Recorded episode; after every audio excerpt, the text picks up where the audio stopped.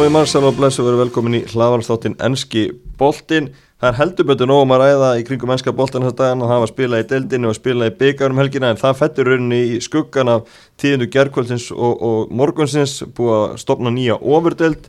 12 félag sem ætla að gera það, er á 6 ennsk félag og, og síðan var Hósi Mourinho rekin frá tóttunami í morgun 6 stöðum fyrir úrslaðleik ennska deildabyggjans á móti Manchester City. Magnús Mænan heiti ég og hinga til inn eru komnir þeir Orri Freyr Rúnarsson, stundismæður Manchester United og Jóhann Helgarsson, stundismæður Chelsea þeirra lið voru í eldinum helgina og koma báðir gladbeittir hingað inn eftir sigrið á sínu liðum. Við erum að sjálfsögðu sem fyrri í bóði Dominos, getið pantað pítsur og, og fengið afslátt með því að nota fókbalti.net kóðan í appinu eða á netinu, þá verða 30% afsláttur. Þannig að það er um að gera að nýta sér það, en ef við vindum okkur beint í þetta og, og kannski Byrjum bara á brjótandi tíðundum á ennska bóltanum í, í morgun þegar Hósi Mourinho var reygin frá Tottenham. Hissa? Já. Að Mourinho alltaf bara er, er maður úrstæðleikina og maður held að hann myndi fara þarna og, og, og sækja dollu fyrir spörs ég hef allan að sko, það hefði byllandi trú á því ég vil þó að gengi lýsins er búið að vera alveg bara mjög slagt svona på síkast stið en það er ekki komur á orð að hann hefði silt þessari dollu í hús þarna, þarna hvað lögadaginn aðstæði ekki? Mm -hmm. um, og maður bara veldi fyrir sér sko hvort það sé eitthvað meira aðná bakvið eins og, og orðrómar dagsins eru, eru að kynna undir. Já, það er, kemur svolítið svo þurfum að heiskiru, svona rétt fyrir enn úrslutaleg Já, maður ætti ekki vonað þessum fréttum bara enga veginn eins og Jói kemur inn á að þetta er maður úrslutalegjana það er að segja rosalega margt um Hósi Mourinho sem þjálfara svona hvernig hann hefur verið síðustu ára allavega en hann klárar þessu úrslutaleiki sem hann fer í. Mm -hmm. hefur verið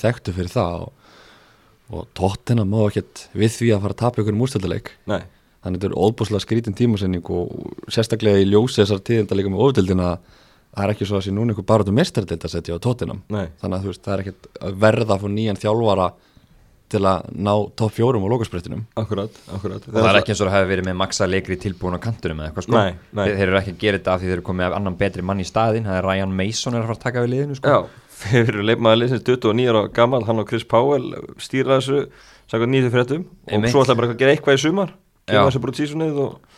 Þetta er rosalega bara ég nota orðið random. Það, það er einhvern veginn hitt að segja eins og það hefur bara orðið einhver, bara einhver sprengja þarna á milli hans og lífi í gerðkvöldi mm -hmm. maður trúir því nú heila bara orðið núna með, meira sem að skoða þetta mál. Kannski, maður veit ekki hvort það sé út af þessar óðudeldi eða einhverju öðru, það kemur kannski bara tímum með leið að það er ljós en, en hér er alveg bara, þetta er alveg stór undarlegt og eins og segi, það er allt hálfurulegt í fókbaltaheiminum í dag. Já, gæti verið að hann hafi mist klefan hann er búin að dölur gagna leikmenn og annað. Að leikmenn hafi umhættilega verið bara konum alveg upp í koka á hann Já, ég get alveg trú að því. Náttúrulega ummalans eftir síðustu leiki þegar hann, þegar hann spurður út í árangur og talar um að þetta sé sami þjálfar og hefur unnið alltaf titla sem er búið eru en mm -hmm. aðri leikmenn. E tóttir á stuðningsmenn náttúrulega orðinu mjög pyrraðir á hvaða skiptingar hann er að gera Já. hvers einasta sinn sem liði kemst yfir þá vil að kemur hann með varnarskiptingu hann er að setja uh, Sissoko inn á hann er að setja þú veist ef Erik Dægir er ekki inn á byrjunarleginu þá er hann að koma inn á meðan hann er með Gareth Bale og Dele Alli og fleiri á bekknum e, þetta eru leikmenn eins og Gareth Bale og Dele Alli þetta eru leikmenn sem þurfa að vera með sjálfströstið alveg í botni mm -hmm. til að njóta sín og þá er Hósum Mourinho ekki þjálfarinn fyrir þá. Nei. það er líka bara sko veist, ef við skoða bara Dele Alli veist, þetta er verðmættastu fókbaltamæður í heimi fyrir nokkur mánu síðan. Mm -hmm. hann er núna svona lánsamningsmaterial í besta falli Já, sko, í gaggar tekkunum liðum. Hann var orða, orðaðið við PSG á lánsamningi þetta er svona eiginlega um það byrj galið þegar maður pælir í því bara fyrir nokkrum ára síðan þegar hann skoraði eitthvað held ég yfir 20 mörkja úrstöldinni á miðjunni. Mm -hmm. bara fyrir þegar hann var þú veist bara 20 eða eitthvað. Mm -hmm þannig að hérna, ég held að það sé eitthvað sem bara stuðningum tóttunum og lífi er ósóttu við hann fær tvær mínur í uppbóta tíma hérna á móti Evertón oh. sem var þetta frábær fókbaltalegur uh, Gareth Bale kemur ekki inn á þeim leik þeir voru alltaf leikinn og þeir þurftu sigur til þess að mm. bara geta átt eitthvað möguleika á þessu meistraldasæti sem eitthvað sem ekki mikið sverði núna en, en hérna það er margt skríti í gangi hérna og ég held að það sé klálega búin að missa trú hjá mörgum stórum karakterum innan tóttunum, ég held að það sé algjörlega klálega málið eins og orðið kemur inn á að, að þessi sjálfströst leiku sem að fyrir alltaf í eins og hann tók Luke Shaw til dæmis hjá Manchester United. Hann var í svona alltaf einhverju smá ströggli með Joe Cole hjá Chelsea líka. Hjá, hann lendi upp á kant við, við hérna, Pepe hjá Real Madrid og Iker Casillas og, og allt þetta. Þannig að hérna, þetta er þarna bara fór hann einhvern veginn skrifa langt. Bara Pól Pogba rugglið þannig að hann er búin að missa þetta bara held ég svolítið í þessu. Svo kemur náttúrulega þessi saga með Harry Kane að Harry Kane sem er að láta vita því að, að hann vill fara ef liðina er ekki mestra til það sæti og þú veist, er eitthvað meira þar að baki. Veist, Harry Kane er búin að vera frábær undir Mourinho. Mourinho sagði hann ætlaði að gera Kane að besta fram í heiminum og ég hef verið að mörguleiti kannski gert það. Að það er svona mjög traustur fram Harry Kane sem skorar alltaf. Og leggur upp. Og leggur upp, besti stóðsendingamæður deildarinnar Já. en maður spyrir sig, er Harry Kane þreyttur á aðförðum Mourinho og þegar þú ert með þann leikmann, ef hann fer að kvarta þá held ég að leifi hlustar Já, nákvæmlega Hvað sjáu þið í framhaldinu á tóttunum? Er þetta gott eða vond fyrir leikina á sunnudaginn? Heldur þið með þjapið sér saman eða ef, ef að vorinu var hún óvinnsæll eða er þetta bara fara til skrúna? það er rosalega erfitt að, að svona spá fyrir það núna en, en sko það að þeir sko ég held að orð Harry Kane verði bara svolítið svona það sem mun móti vera menn á, á, á um helgina í þessum úrstaleik, ég held að hann muni svolítið taka þetta á sig. Mhm. um, ég bara sko það bara kemur bara ljós þegar leikurinn byrjar annarkvort sko, þetta er mögulega þannig annarkvort vinna þetta í einhverjum svona hörku hörku leika eða þið getur líka bara að tapa 5-0 sko. Já, þetta getur bara hruni sko. Já, ég held að þeir munu vissilega þjapa sér saman við þetta því að ég held að svona, með við fréttir það er Mourinho ekkert vinsalisti maðurinn í klefunum en á móti kemur að sérstaklega reynslu mestu leikminn liðsins vilja þeir ekki hafa Mourinho í þessum leik? Einhvern sem kann að spila úrslitaleiki og þekkir þessa pressu. Mm þetta eru leikmenn sem er ekkert vanir úrslitaleikjum. Það hafa farið þannig í úrslitaleik mestaradeildarinnar sem er tapa. Annars hafa þeir ekkert verið inn ennum úrslitaleikjum. Nei, nákvæmlega og kannski ekki gott að fá maður þetta sitt í eftir tapið og maður tjelsi um helgina ef vera þyrstir Gardiola og hans menn. Já, ég meina, þeir eru hérna þeir eru særtir núna, þeir eru bara að glata möguleikunum á þessari svakalegu fernu en þá er ég nokkuð vissum að þeir ætla að taka þá svona einhverja, einhverja þrennu í staðinn og, og ég held, já, ég meina, ég held að City tapar ekki oft um líka með röðu, sko. Nei, og sérfræðingar í að vinna hann deildabikar þegar það var gert það undan fyrir ár. Já, já, kunna það alveg og, og í reyndinni hendar sko í liðið hendar kannski ágætlega Mourinho uppleginu mm. að liggja bara daldið tilbaka og beita skindisónum mm Son og Kane. Svona Kane fremsta og þannig unnu tóttinam þú veist, hann Arsenal og, og fleiri liðu þetta með því bara að fara alltaf fram með miðju nefnum bara í. En Hvað gerist næst? Þið varuð stundsmynd tóttina hver verður raunhæfur kostur sem stjóri sumar, hvað myndið vilja sjá? Hefur við teiknið upp eitthvað scenarjó? Ef við, þú veist, gefum okkur það og minna aftur, við, tölum með betur eftir en þessi ofudild mun eflust það eitthvað að segja hvernig það mun þróast Já, en sko þeir eru þannig og tóttunum að, að og maður sá það með ráðningu og sem Rinni á sinni tíma að hann lífi, hann vill fá þjálfara úr efstu hillu þú veist, þeir eru ekki að fara að taka ykkur að sjensa eins og þú veist, Eddie Howe eða eitthvað þannig sko sem var einhvern veginn orðaði við stjórastöðunni á spörs. Nei, um, ég held, þú veist, að það eru þú veist, Allegri Mhm. þú veist, það er gæi sem kann að vinna titla er opbáslega farsalt stjóri var með svo okkur ennskunnámskeiðum daginn. Já, þannig að hérna getið ná Nægalsmann? Nagelsmann, þú veist, ef hann er ekki að fara til bæjan í þessum kap, kapli sem er í gangi, gangi þar í Þískalandi e, það er náttúrulega fáranlega spennandi þjálfari. Bara eitt svo mest spennandi bara í, í heiminum í dag en já, ég myndi segja kannski þessi tvö nöfn Mauricio Sarri er á lausu kannski hann líka, ég veit það ekki, hann er samt er hann er já. hann að hérna, já, en ég myndi Allegri geti ekki verið villus, villus pæling hjá, hjá hérna, tóttunum Hvað er þú? Það er alveg erfitt að segja því að ég held að gætu nokkrar svona áhugaverða stöður losnað í sumar. Það eru þetta bæinstaðan sem er laus, núna Tottenham, maður spyrir sig hvað Juventus gerir með Pirlo. Já. Ég er ekkit endilega viss um að, aftur, af ofurdildin verður að veruleika, þeir vilja fara með Pirlo þangaðinn. hvað gerir Barcelona, hvað gerir Real? Real misti sér í gær ef þeir enda í þriðja, jáfnvel fjóruðarsæti í, í spænsku dildinni og dett út í næsta leik í mistaradildinni. Er þá síðan að fara halda áfram þar? Akkurat þannig að þetta gæti alveg aldrei svona stór kapall farið af stað í, sö- stað í sumar Já, og mögulega er einhverju, einhverju þjálfara sem losna sem er ekkert lausir í dag en af þeim sem, sem er ekki í stöð í dag þá já alltaf að legri sér ekki svona, svona ekta lífi í ráðning já, ef hann hefur áhuga á því. Já Talandi um þjálfara kapal, hvað setur þetta hósum? Á, á, á hann afturkamt hjá stóru félagi eða þinn fyrir, fyrir stjóri á Chelsea, Hva, hvað verður um hann núna? Ég vona allavega að hann sé hættur að, að vera á Englandi sko. Ég segi alltaf að arfleg hans á Englandi verður alltaf blá. Já, það hefur mjög ánægð með það. Tók þrennuna með United minna það. En hérna, en sko einhvern tíma sagði Mourinho það að þegar hann er gamall maður þá ætlar hann að vera landsjálfari já. Er hann ekki orðin svolítið gamall bara í svo bolta? Já, er hann ekki komið svolítið mörg árundi beltið og, og hans aðferði kannski hann hefur ekki tekist að endurnýja sig. Nei. mesta afreg Sörlegs Ferguson var alltaf að endurnýja sig og einhvern veginn þróast með fótboltanum. Því miður verið Mourinho ekki hafa náð að gera það. Já, sko, Mourinho kann bara ekki á þessa nýju kynnslóð leikmanna. Þetta er ekki svona tóku Chelsea og var með Frank Lampard, John Terry, Drogba og, fleiri svona risastóra karaktera sem hann gata aldrei öskrað á og þeir fóru bara í lið með honum. Nýjur ungi leikmenn sem hann komið upp í dag og fá horfblósaran, þeir fara bara á mótunum. Akkurat. Þannig að hv- hver sér þú hann Orri heldur hann fara líka í landslið? Sem, sem Ég get alveg trú að hann fær í landslið, e- ef ekki landslið þá gæti ég alveg síðan taka við ykkur þrótti á Ítalíu. Aftur. já Það verður spennandi að sjá hvað verður um kallinn. Hann vil þjálfa sko, hann, hann getur ekki verið fyrir utan fótboltan, hann Nei, nei, hann, mun, hann elskar tók fótboltan sér eitthvað árs frí fyrir einhverjum árum en hann verður ekkert meira en það. Hann, Jó, var bara svona hálf grátandi í öllum viðtölum á þessu ári. Já. hann saknaði þess að fá þjálfa hann var reyndar, hann var alveg gaman að hann á Sky. Já. og þú veist, það sem þessi gæi veit um fótbolta er náttúrulega ekkert lítið sko. Og það var alveg gaman að horfa á það en, en það er líka, það er alltaf fjör í kringum hann sko. Mhm. og þú veist, Mourinho og HM og svona. Það væri allt myndið snúast um hann. Ég vona að hann fái annar líf, elsku kallinn Já, sjá hvernig það fer uh, stóra frettina eins og það er í svolítið saman er þessi overdeld, uh, þessi tólið tilkynnt í gæra að þau ætla að stíga fram og, og, og, og byrja með overdeld uh, hver er ykkar skoðun á því orði, hvað finnst þér um þessar frettir og, hvernig, hvernig brástu við þeim? með þess að frétti ræðilegar það er ekki flóknar en það. Eh, þetta kom á óvart, þetta er búið að vera rosalega lengi í umræðunni að þessi stóru lið vilja þetta fyrirkomulag.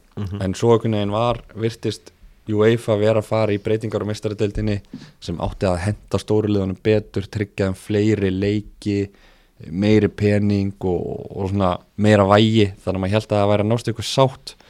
Svo leka sér fréttir út í gerðmorgun í, í bresku miðlunum og það verður allt vittlust og þá hugsaði maður mestur ok, þeir hafa svona aðeins alltaf að testa vatnið sko. Mhm. og sjá viðbröðin og býða með þetta. En svo bara dundra öll liðin þessu heimasíðinu sína í gerðkvöldi og það alltaf springur allt í loftu upp. Eh, fyrsta viðtal sem Joe Glazer veitir Manchester United í, í 15 ár. Og þeir byrtaði ekki einu sinna á Twitter. Nei. hvorki Manchester United nýja Manchester City hafa byrt yfirlýsinguna á samfélagsmennum að þeir vita bara hver viðbröðin eru. Já.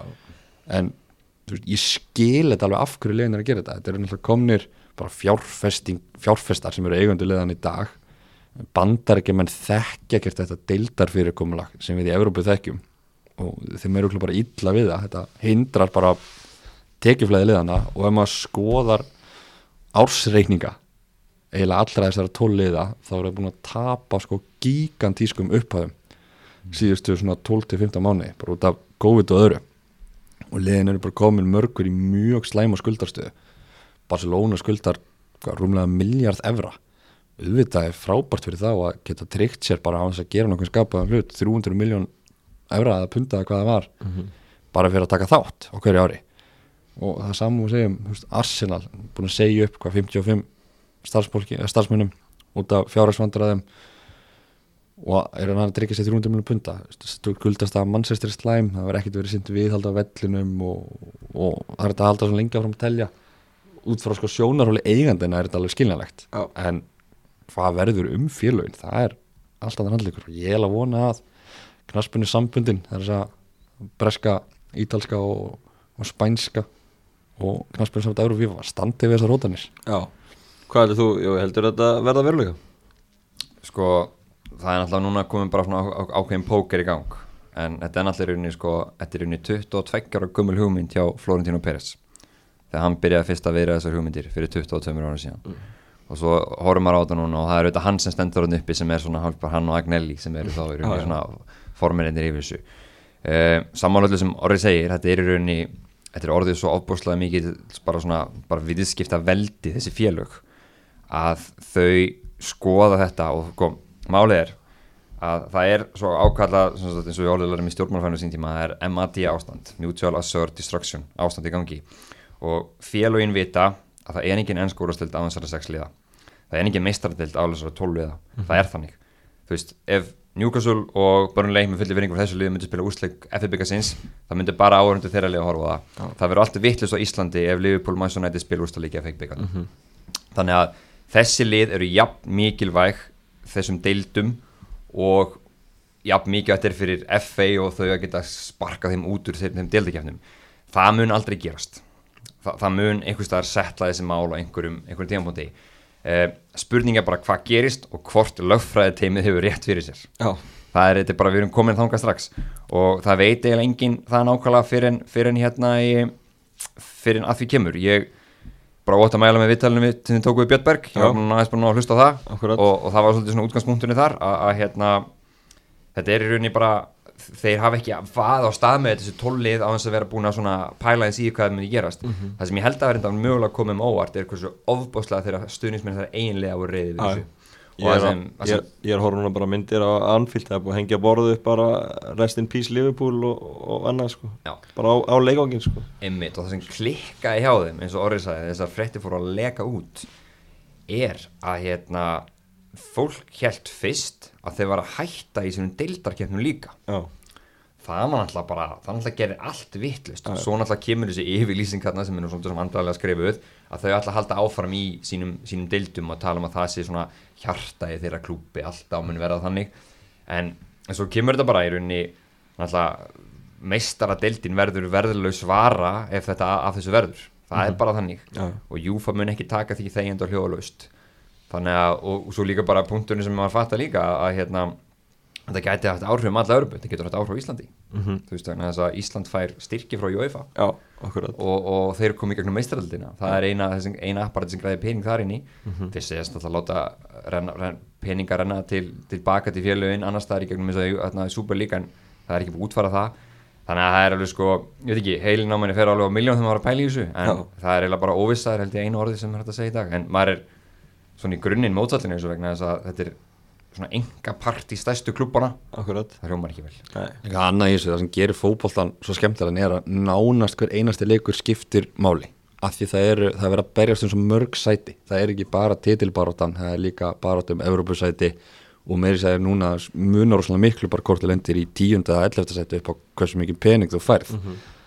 Og við tökum bara dæmi leikurinn í, í kvöld Leeds á móti Liverpool þetta er leikur sem hefði skipt óbóðslega miklu máli í gær af því að Liverpool er í það mikil barátum að komast í mistaraldið Evrópu sem skiptir bara öllu máli fyrir félögin Já í dag skiptir þessi leikur ekki nokkur einasta máli Nei, nei, ef við gefum okkur það deild ef deild, Já, ef við gefum okkur það að byrja núna í já.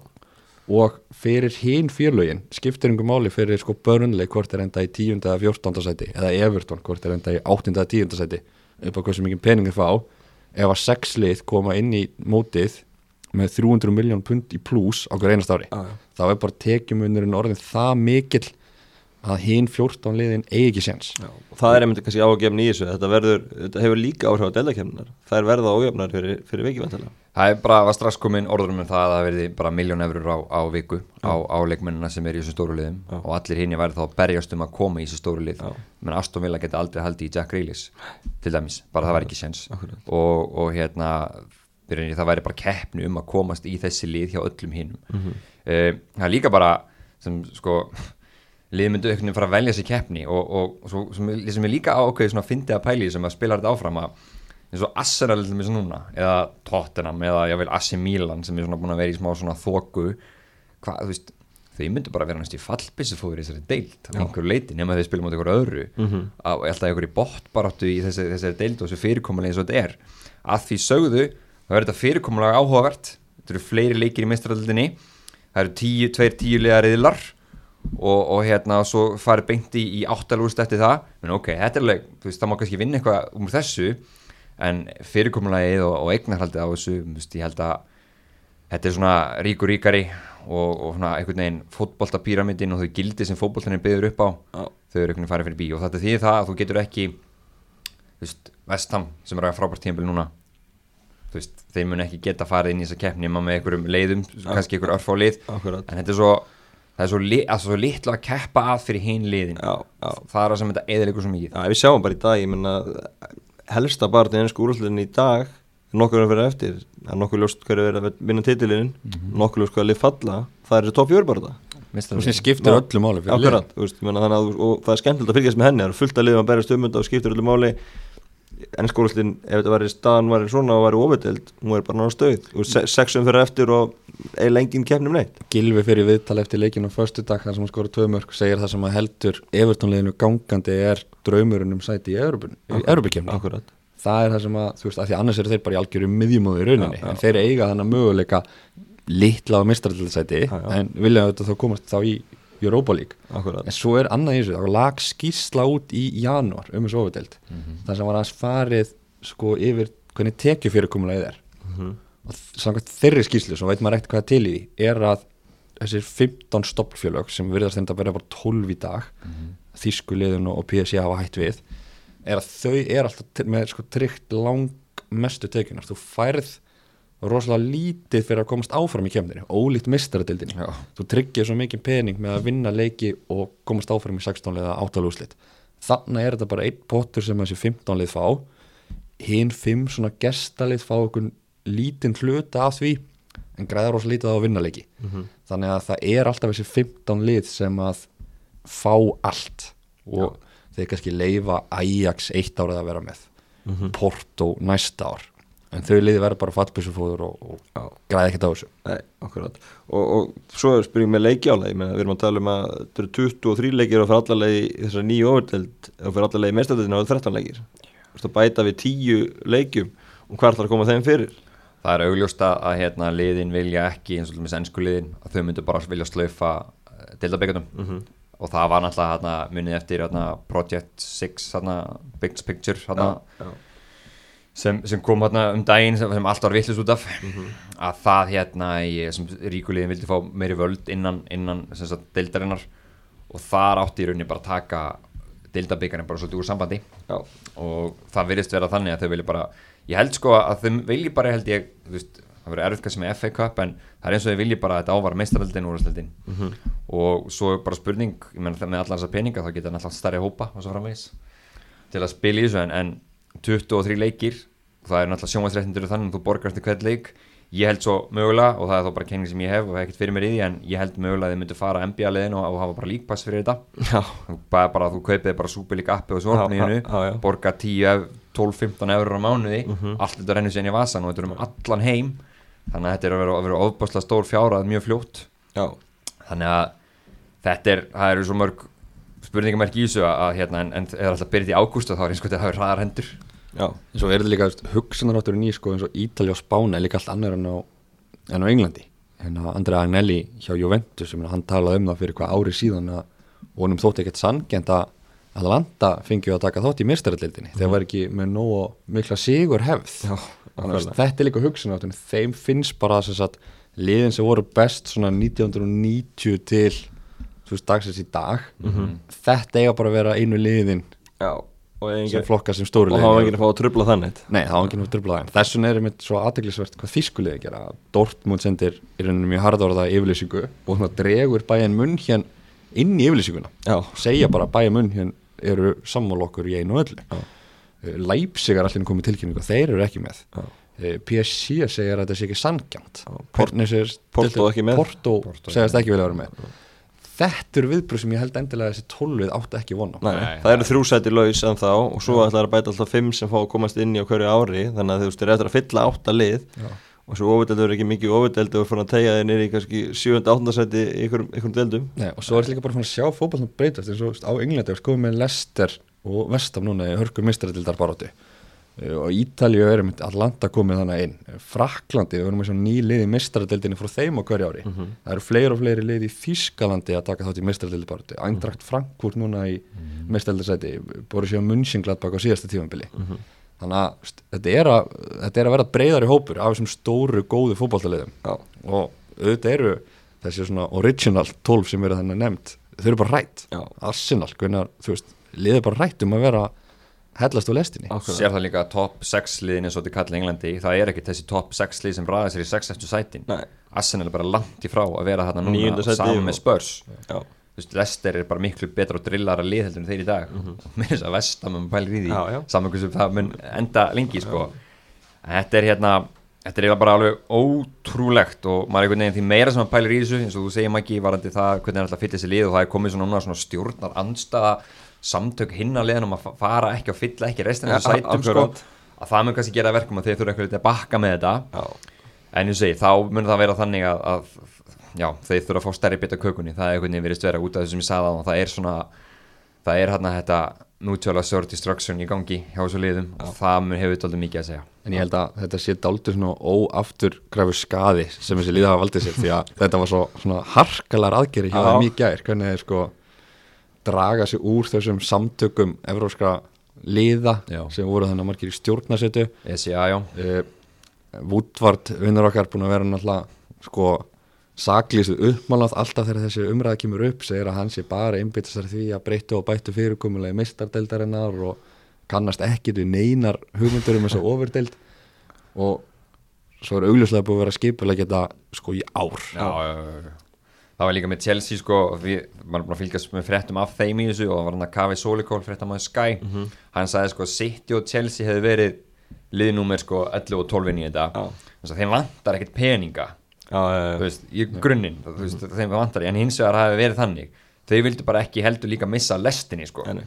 þau vildu ekki vera sko, þau heldur mögulega myndi að fara í hináttina að fólk myndi slást með að vera partur og svoðdeild og þeir var það ekki einir eftir bara með, með hérna, hinum liðunum í meistaröldinni, þannig að þetta er þetta er eiginlega bara, þetta er fyrirlegt sko. Það er bara ríkla áhört að fá viðbröð leikmann og þjálfara. Þau hafa ekki verið að koma enn þannig að það hafa leikmenn sem standa utan við dildina aðeins byrja að tjá sig í morgun. Ander Herrera, Mesut Özil og, og fleiri. Og þetta fyrverandi leikmenn mjög reyðir Já, mjög margir fyrirvendarleikmenn en hvað gerist þegar Klopp mætir í viðtal í kvöld? Við vitum alveg hvað Klopp finnst um þetta. Hann er pottitt brjálæður þetta, þetta er svona gegn öllu sem Jürgen Klopp stendur fyrir.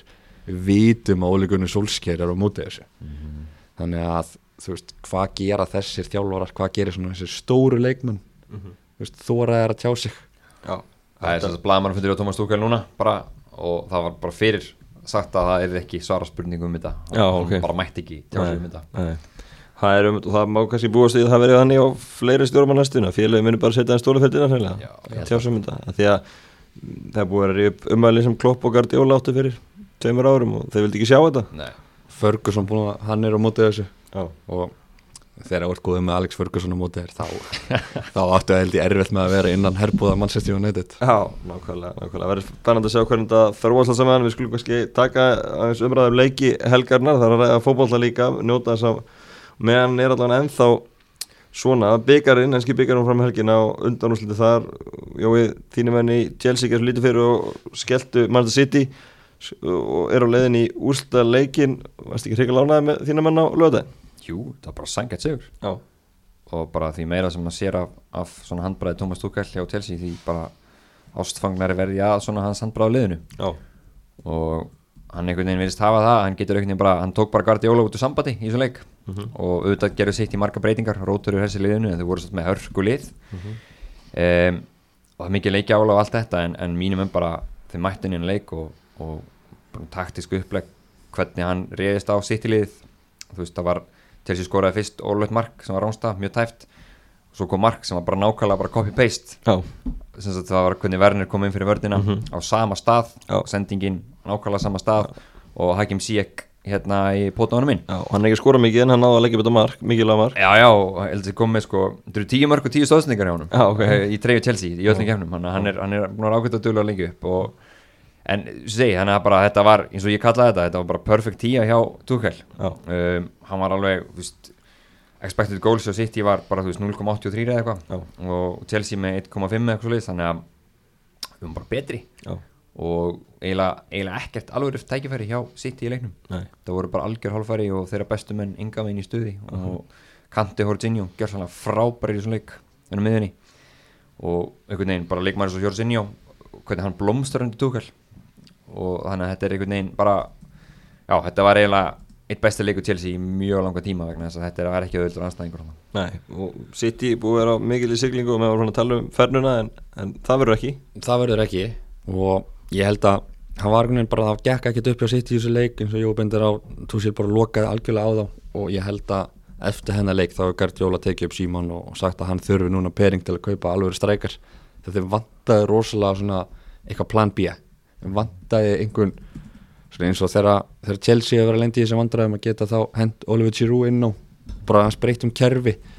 Það var eitthvað sem Guardiola bara átti líki möguleika á. Svona alltaf því bara framherja laus sem hefur virkað hinga til hjá honum en þannig hefði verið rosalega sterti ef hann hefði geta verið með bara einhvern stóran og öflugan framherja upp á topp. Akkurat og breyta þessum leikja, leikjaplan Já, akkurat. Og þetta verður hörkuleikur í úrslutum Lester vann samantáni í hinnu leiknum en að við erum að sjá spennandi úrslaleik Já, bara mjög spennandi og kannski svona skemmtilegast úrstættileikurinn sem það gatt beðum Já. Chelsea Leicester, ég held að það getur verið ríkilega skemmtilega leikur. Já, hvernig líst þér á það? bara, þú veist, ég horfði á hann leik gerðana þetta var nú, þetta var nú ekki skemmti siglingi sér leikur, en, en samanskæpi Lester átt að skilið, Það hefur algjört þrótt að fá sko sitt í Southampton í úrstættileik eins og verður þetta sitt í vott vortum árið, en, en hérna en bara Lester er, er hörku gótt fótballtalið og verið vel mannaðir og, og Brendan Rodgers er, að- er bara frábært stjóri. Þannig að þetta verður bara, þetta verður hörku leikur og um, já, minna, þú veist, ég held samt bara að, að veist, mínir menn eru klálega held ég favorites í þeim leik, Chelsea er rosalega mikið byggalið, ég held sé tíunda skipti frá aldamótum sem Chelsea getur ústæðleikin Mhm. sem er reikalega vel gert þannig að hérna, og ég segi bara hand, svona svo, hvað sem er svona holningin á liðinu hjá Túkvel núna, hún er alltaf að vera betri. Já, þannig að hérna, bara maður er maður er feikil ánægð með þetta. Bæði þú þetta Porto í mig, það var líka Túkvel lagði það einhvern veginn þannig upp að þeir áttu einhvern veginn aldrei break Porto. Og svo þessi leikur, það var svona einhvern veginn bara, nú þá bara nú ætlum ég að að segja, nú þá maður að sigla sem meistraralda sæti í höfn. Svo einhvern veginn veit maður einhvern veginn það verður. Nei, hvernig er, er það einmitt? Þetta verður skrítna vikur núna þegar að erum ekkert vita hvað verður. Hversu mikið aldrei við ætla að leggja allt kapi í að rannan að enda eins ofalega og hægt er en þetta er skrítið að kannski skiptir ekki máli hvort endur í fjóraða sjönda seti Ég, vona bara að Túkel segir bara leikmannhópin, heist okkar, við kláðum bara okkar. Veist, við ætlum núna, ætlum okkur, þú veist, þriða fjóra seti og bara komast bara, ætlum okkur byggarinn og svo bara næsta verkefni er almatir í meistaröldinni Mhm. þú veist, og allt annað verður bara að vera til hliðar, skilur lögfræðingarnir verða að fá- að bara eiga það og umræðan, skilur þeir eru bara einu okkur salgjör frá þessu. Mhm. en ég meina það er leikur á morgunum til Brighton og, og það er bara hörku, hörku, hörku leikur Já. í þessari baráttu, það má ekkert klikka þar. Chelsea voru hefnir, vestangjar í aðtöfli þess að töpuðum á einhvers að segja Mhm. þannig að hérna um, segi, þetta er bara, það er bara næsta leikur og þetta er það sem er svo skemmtilegt núna á þessum tímapunkti þú veist, núna skiptir allir leikir svo miklu máli Já. og eins og orðið sagðan, ef það myndi sér hætta. Já, okkur í, út af þessar óðil, þá var það alveg þá var það vorslega vond breyting á fótboltam Já, engin spurning uh, orðið þínum enn í Master United þeir uh, eru að landa svo öðru sætti örgulega unnu börnlega þrjú eitt í gær. Ekki bara ánæði með þína menn? Jú, þetta var nú ekki besti leikur en þeirra en, en þetta var svona, þetta var svona sigur þetta er svona, eða, þetta er svona leikur sem að Manchester United hefði gert jæmtefli að tapa fyrir bara einu, tveimur árið síðan. Þeir eru farin að vinna þessa leiki í dag. Þeir hætt aldrei, þeir gefast ekki upp. Þrátt fyrir að varnaleikurinn hef ekki verið góður í gær, margir sem náðu sér aldrei á strik Henderson hann náttúrulega með ákveðnar glóriur og stál heppinu reyninni að markið þannig sem Chris Wood skor eftir 30 sekund og var dæmt af. Mætti með derhúið hana Mæ- Já, þetta var ekki segja gott lúk á honum Þetta var sérstætt Svo útlöpi á, á, á Lindolöf líka. Já En, en eh, Þetta var bara vel klárað þeim. Frábær brettur hjá Rashford uh, Góð Gabriel hjá Bruno í öðru markinu og, og hérna Já, svo bara flott að fá hérna þriða markið alveg í, lókin til að klára þetta örugt Já, með svo grímut með tvö mörg, vel getur honum. Velgjast á honum, hann er bara komin í ganga aftur og leysir risastórt vandamál mér veist grínund miklu betur þegar hann er fariður út á hægri kant. Hann byrjaði leikin fremstur. Það gekk lítið upp bæði honum og Rashford sem var þá hægra megin, eh, svo var þetta allt, allt annað eftir Rashford fór út á vinstri kant Pogba á miðjuna og, og grínund á hægri kant og, og Cavani frammi Mhm. þá loksist kom ykkur alveg Já, nákvæmlega Hva, Hvað verður hjá Master United í, í sumar? Við ætlum að taka góða United umræði í dag en fyrir kannski aðeins að mingana sögum stóra tíðinda en, en hvað erum við að gera að sjá í sumar? Hvað erum við að minna, Solskefar bara undir, í hættu á mér starfi í haust en þetta hefur nú spilast allt í lagi þó að þetta er út á mistaldinu þá er annars þetta örugt og, og það er kannski eitthvað sem að þú hefur alveg tekið þegar þið eru búið fyrir mót. Já, já, algjörlega og, og það er orðið bara gaman að horfa liðið aftur, það er orðið samkemnisæft og með réttu kaupunum í sumar þá getur þetta bara orðið lið fyrir sem fyrir titilbáratu, það vantar það vantar ímislegt í þetta lið, það vantar rauninni varnamann, miðjumann og framherja. Mm. sérstaklega ef Cavani fer. Já. e, ég myndi segja að þörfin á sko hæri kantmann er ekki jafn mikil og var. Ef að Greenwood getur svona mastera þá stöðu betur og svo eru tveir mjög svona ungjur efnilegi leikmenn sem á eftir að sjá meira af Amadialo og Facundo Pelistri sem er núna láni á, á Spáni það verður mjög skrítið að freyða ykkur um 100 miljónum í tvítuan hæri kantmann Já. ofan á þetta Já. e, ég er sjálfur spenntastu fyrir Declan Rice núna Mm -hmm. að hann getur aldrei svona leist þessa stöðu sem að Fred og Matic er ekki alveg kannski að valda og komið meiri breytun á miðjuna og gef, gert þá Pogba og Bruno næst meira frelsi Já. til að ráfa um öllin nákvæmlega. Og ef Cavani fer þá er þetta þarf, þarf framherja. Já.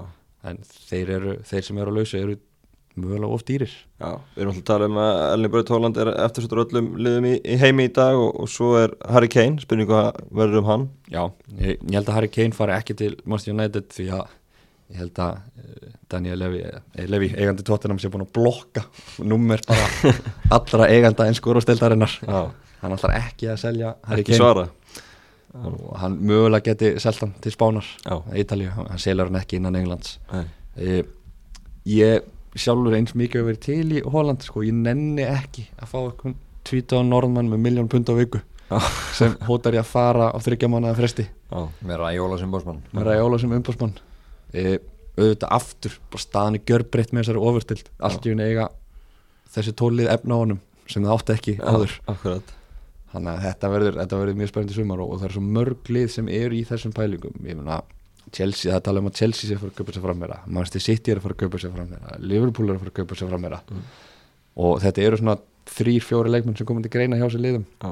En ef það er ekki Haaland eða Kane, hver er það þá? e, þá held ég að verðum bara styrkja frekar miðjun á vörnina og reyna að koma Martial í gang. Já, Já, ég er ekki spenntur að fara að eða ykkur um 50 til 80 miljón punta í einhvern B-leikmenn sem mögulega geta orðið eitthvað mm það hefur bara ekki verið að virka á Englandi Já. þegar þeir leikmenn hafa verið kiftir akkurat það er þetta nefna ótal dæmi um það Já. Hvað sér þú í, í kortunum hjá í sumar? Þetta er sammála orða, þetta er inn í hverja línu, svona um það bil Já, þú veist, ég held að þessi Declan Rice köp getur verið frábær Já. sem hefur verið orðað og hann var mitt orðað við Chelsea líka en, en Lampart var svolítið Lampard var rosar hefinn að Declan Rice. Já. og náttúrulega Declan Rice sólst upp í Akademi Chelsea og er besti vinnum með svo mánt þannig að það var svona einhvern veginn tenginga þar sko. Mhm. en það er svona, mér finnst að hann hefði sínt á þessu tímabili að hann er svona eitt besti djúpi miðumæðurinn í deildinni. Já. og náttúrulega gæði sem álega rosalega mikið eftir og Mhm. getur bætt sér mikið. Þannig að það væri ótrúlega sterk kaup. Uh, sammála með hérna, hæra vengmann hann bara kannski gefa mig sem grímut bara trusti áfram í það, hann er náttúrulega bara getur vaksið upp í að vera heimskassa leikmaður. Þú veist ef það er kannski bara haldið rétt á Já. og hann hættir að koma til Íslands og svona. En hérna, en svo er þetta bara þessi frammýra krísa, skilur við, það er bara hérna þetta eru eins og þetta eru opbúrslega fán upp, til og svo við vorum að ræða þetta svona nokkru Chelsea menn og þú veist, ef Holland kemur ekki þú veist, leikmaður sem við myndum vilja fá til að taka hjá okkur er þá Lukaku. Þú veist, sem var hjá United, þannig að þetta er einhvern veginn svona þetta er einhvern veginn rúla fram og tilbaka og, og ég er sammála hérna orðið því að veist, það er þó betra bara að að halda sig við, við hérna það sem er með hjá sér heldur en að fara að taka ykkur að sjensa sko og kaupa leikmenn sem kannski eru svona rándýrir en eru kannski ekki að fara að gera neitt mikið betur en þessi fyrir eru. Já. og kannski þá bara ef þið geta samfært Cavani um að vera áfram þess að ef hann er að spila Cavani sást til þetta börnlega einhvern veginn og undanfundu leikjum og hann er þvílíkur efur þessi gæi. Og veist, skrokkurinn á honum formið á honum virðist vera þannig að hann er ekkert að gefa mikið eftir sko Nei, þú veist, ef hann er bara next hann er að halda sér alveg heilum sko. Akkurat, akkurat. bjóða hann um gull og græna skóa og taka eitt tímabili viðbót sko. hann Já. er líka bara það sem að getur kent Greenwood, Rashford og fleirum er bara svo ótrúlegt. Já, nákvæmlega, nákvæmlega. Sjáum hvað gerist þig á United í, í sumar en, en þú að ánæður með sólskei kannski núna heldur nú verst fyrir tímabilið eða hvað? Nei, ég hef nú alltaf verið sko, mikill þunnismæður solskjær Ok, ég hef aldrei, aldrei farið af þeim vagni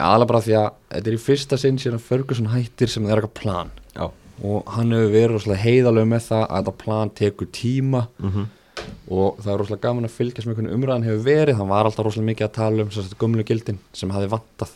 Þjálfari sem tóku við eftir Ferguson hendu þeimdóldi í burtu. Hann talaði rosalega mikið um Ferguson tíman og Já. fyrir hvað United stóð. Núna er hann meira að tala í nútíðin og framtíðinni. Mhm. af því hann er komið bara á þann stað að hann getur lift sér það. Já, og mér finnst kaupin að hafa bara mörg hver virkað ágætlega. Ég er ekki tilbúin að afskrifa uh, Van de Beek, hann er að koma meira og meira inn í þetta.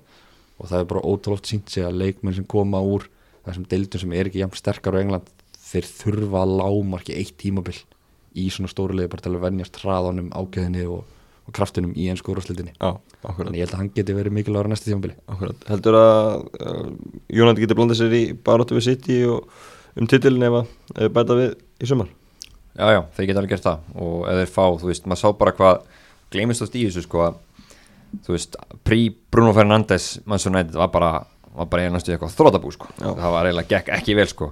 Svo kemur hann og þetta er einn heimskasta leikmaður og hann bara breytir þessu liði úr því að vera bara, þú veist, sjönda sendistundum bara yfir því að vera bara næst besta liði á Englandi í vetur.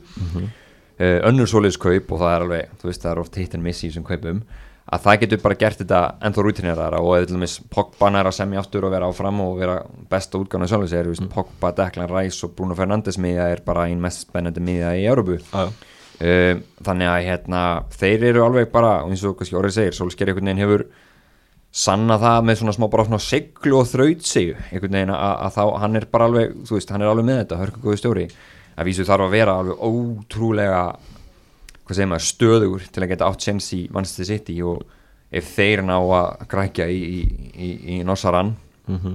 að þá þá, þessi, þá er maður bara hættur um að það geta orðið reynilega eitthvað svindlið. Já, en þannig að það verður rosa erfitt að segja það þá þú þurft að fara bara upp í 90 stig pluss akkurat. Það verður gríðarlega erfitt en, en hérna sjáum til. Já, algjörlega. Hlaupum yfir hinn að leikinu sem fyrir fram um þannig að á förstaskvöldi þá var Gilvi í stuðu á móti gömlu fjörurum í Tottenham, tvö mörg í 2-2 í allir og gaman að sjá þessi mörg og, og náttúrulega segna markið hans frábært. frábært seinnamark uh, frá flotti leikur hjá, hjá Gilva hann var mjög duglegur í þessu leik uh, var duglegur að tengja af Hamilton Rodríguez og þetta var bara ískaldur í vítunu og, og seinnamarkið hans frábært það var ekki auðvelt að skora þetta mark Nei.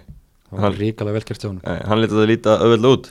alveg maður, þetta var bara stórkostlegt mark og, og þú veist, þetta var hérna, tekunum orða, það var svo gaman að sjá hvað hann og Hamis voru einhvern veginn þetta eru svona, þetta eru tveir hæfileikar í gusti fótballtamennir, ég veit hann ástand kannski Rísælisson mm -hmm.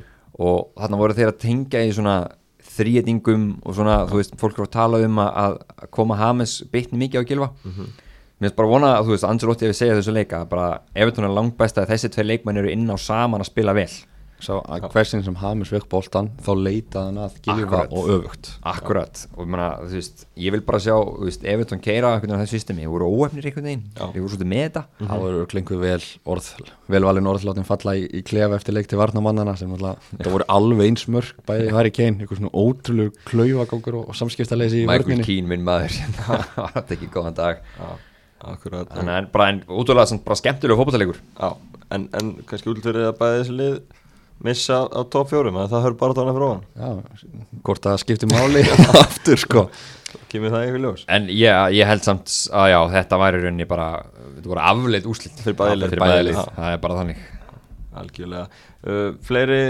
leikir um helgina, við sáum í, í gær Arsenal Fulham 1-1 uh, á meðan Newcastle vann Vestham 3-2 á, á lögadaginn þannig að þetta var hrikalegt fyrir Fulham í þessari fættbártu að, að uh, fá þetta mark hvað endaldi á 97. myndu Matt Ræja mætti fram í horni og skallaði hann áfram og mark endaldi Það er bara grátlegt sko. það var, var fallfníkur á þessu. Já, þetta var fallfníkur og sérstaklega með við úrslitin hjá Newcastle gegn Vestham Náttúrulega, ég vona að Mike Astley sé byrjaði að teikna stittu af Steve Bruce fyrir utan, utan völlin bjargvættu norðursins en það er svona öllu gamni slefti þá innsiklaði þetta fall fólam held ég, því miður. Ég hef óbúslega mikið verið til í að fólam með heldur sér uppi. Mér finnst þið spil oft skemmtilega fótbolta, ungt lið. Og ég hef verið rosalega til í að sjá það aftur á næsta ári í ennsku úrstöldinni Já. ögn meiri reynslu og, og kannski búin að styrkja það eftir á stöður. Þessi byrjun fúlam drefið á sko. Já. Þeir voru alveg hræðilegir fyrstu tólleikin eða eitthvað Og hérna, núna er einhvern veginn sko meiri líkur á Vestbrómið Svona að blanda sér í þetta. Akkurat. Þeir hafa sko tvo leiki á þá. Já, já. Og eru á fljúandi siglingu. En hérna, en þetta var alveg bara svona eins og sé, bara það lið sem ekkert gengur upp já Þau fá svona mark á sig á þessum tíðanbúndi Já Þannig að þetta var alveg, já, mann langar hérna bara að fella tár hann og knúsa hann hérna, hann Sko, sko Parker, ekki já, eftir þetta, hann var alveg búinn á því sko. Já, já, þetta er vera rosalega mikið svona næstu í 12 jættefli í, í vetur og, og margi leiki sem hafa ekki sveiflast í, í þeirra átt. Algjörlega, þetta er búin að vera svona búin að vera bara takturinn hjá þeim í, á þessi tímabili. Þetta er búin að vera óhefni ef, ef hún er til í fótball þar að segja. Mhm. og hlutin er ekki að falla með þeim og uh, náttúrulega fá í í mm. -hmm. Fram, þangað til að hann kom þá gekk þeim afleitlega að skora mörg þannig að ég vona að Scott Parker fá að halda áfram með liðið og fá að halda daldið þessum hóp og gera þá kannski svipað eins og Norvits er að gera núna í. Já, hann er að koma upp með bara miklu betra lið aftur já tala um það, Norveits triði þessi sæti í ennskólustinu nýja leikum helgina, samfærandi konur upp á tjafbjörnsdeldinni bara sömu gæjar, þú Já. veist það eru búin Día, Kantvel, Pukki og þessu dúdar, þetta eru bara hérna og kongurinn Grant Hanley Já, þannig að þetta er bara þeir ná, náðu að halda þessum bestu leikmunum ég held að þetta eru alveg þrýfjörlega spilarar þú veist, meina, Día, frábær Ar- Arsenal var skoðið skoða hann til dæmis. Já, þannig að hérna, þeim tókst að halda þeim og þá fóru þeir bara beint upp aftur voru bara með bara besta liðið. Fara, við, fara væntanlega yfir hundarstegi í dildinni Já, Já, þannig að það er virkilega vel gert hjá á þeim Njúkoslu við mikið rættu þá hérna það var komin faldröður og fann að banka hressi löpu það um daginn en eins og segir orði brúsi búin að snúi þessu við og þetta er svona bara svo gott sem komið eitt sigur upp og það tekir þetta vantilega og- komið 35 stík, 38 eftir að duga Brús klókur í glöggunum. Nei, hann fær náttúrulega hann að Joe Willock á láni. Sem er búin að vera öflugur búin að skora tvö mjög mikilvæg mörg fyrir þá ég var ekki hvað jafnaðan á móti tóttinam og, og svo séu marki núna gegn Vestham auðvitað hafa hefnina með sér gerð þannig séð að Craig Dawson fær hann á rautspjald já, en uh, þetta, sko njúkist að hafa kannski líka verið smá ofnir. Fá Callum Wilson skil mjög vel inn svo meiðist hann er mikið frá og þá er ekkert backup. Þeir sko og ég þeir, skil óbúslega vel samt gremju stuðnismann að njúkast við spilamennskan, hún var ríkaleg lengst af. Þeir byrjuðu ágætlega svo fer þetta að vera alveg ríkalega leðilegt að fyrir sjáanlegt og gengur þetta ekkert upp en, en það er að koma svona smá kraftur í það núna í síðustu þremfjóra leikjum en sko líka samt í gær þeir eru eins og manni fleiri samt textum að gera þetta leik sko, Já. og manni fleiri og en sko það sem er fyrir mér að er bara svona að endalega tryggja það að þeir falli ekki það var náttúrulega svona Carlo Wilson sem algjörlega dró vagnir fram á tíðanbili þeir, þeir voru bara, hann skoraði bara þú veist á með eitthvað 60% mörkuna eða eitthvað til að byrja með já. en það er hann að Saint Maximin. Hann er búin að vera frábær. Hann alltaf var mikið frá mittist og fekk COVID og, lendið sem að vesinni. Hann hérna, ef hann hann getur spilað í betra lið og, og þú veist, þú eru að tala um að vera bara alvöru leikmaður í mjög góðu lið. Hann er með hæfileikana til þess og öruglega Asli geti sér peninga þar og seldan bara. Já, og, og mögulega svona, hann alveg líka svolítið vittlust í kollurum og svona, hann, hann geti alveg verið með hrókan í að vera í betra liði og hann er mjög hæfileikaríkur, hann er svona já, minnum að svona, bara svona Adam að trá voru upp þess besta einhvern veginn, þetta er svona sumur heifingar uh, hann einhvern veginn er að, er að koma með gæði sem bara voru ekki í svo liði fyrirfram. Uh, þannig að hérna þeir bara gerðu rosa vel en, en þetta er eins og sé orðið segi, þetta er bara fyndið að sko Vestham skuli vera komið það langt á undan þeim að þeir bara eru, geta spila á mútu í 70 mínútur eða eitthvað og verið betri sko. Já, það er eiginlega magna sko. Ég er spenntur að sjá, ég held að Maximin muni koma með eitthvað gott teik og ofudeldin á Twitter hann er Ah. duglegur að henda ykkur gif þar Förum að slá botnin í það, það verður spennandi að sjá hvað verður með þessa ofurdild það rignir inn yfirlýsingunum, Sefferni byrjar að tjá sig og, og, já, frá Júfa og, og fleiri þannig að það er alls ekki öll kurl komandi grafar í, í því máli. Sjá hvernig það fyrir allt saman, takk fyrir í dag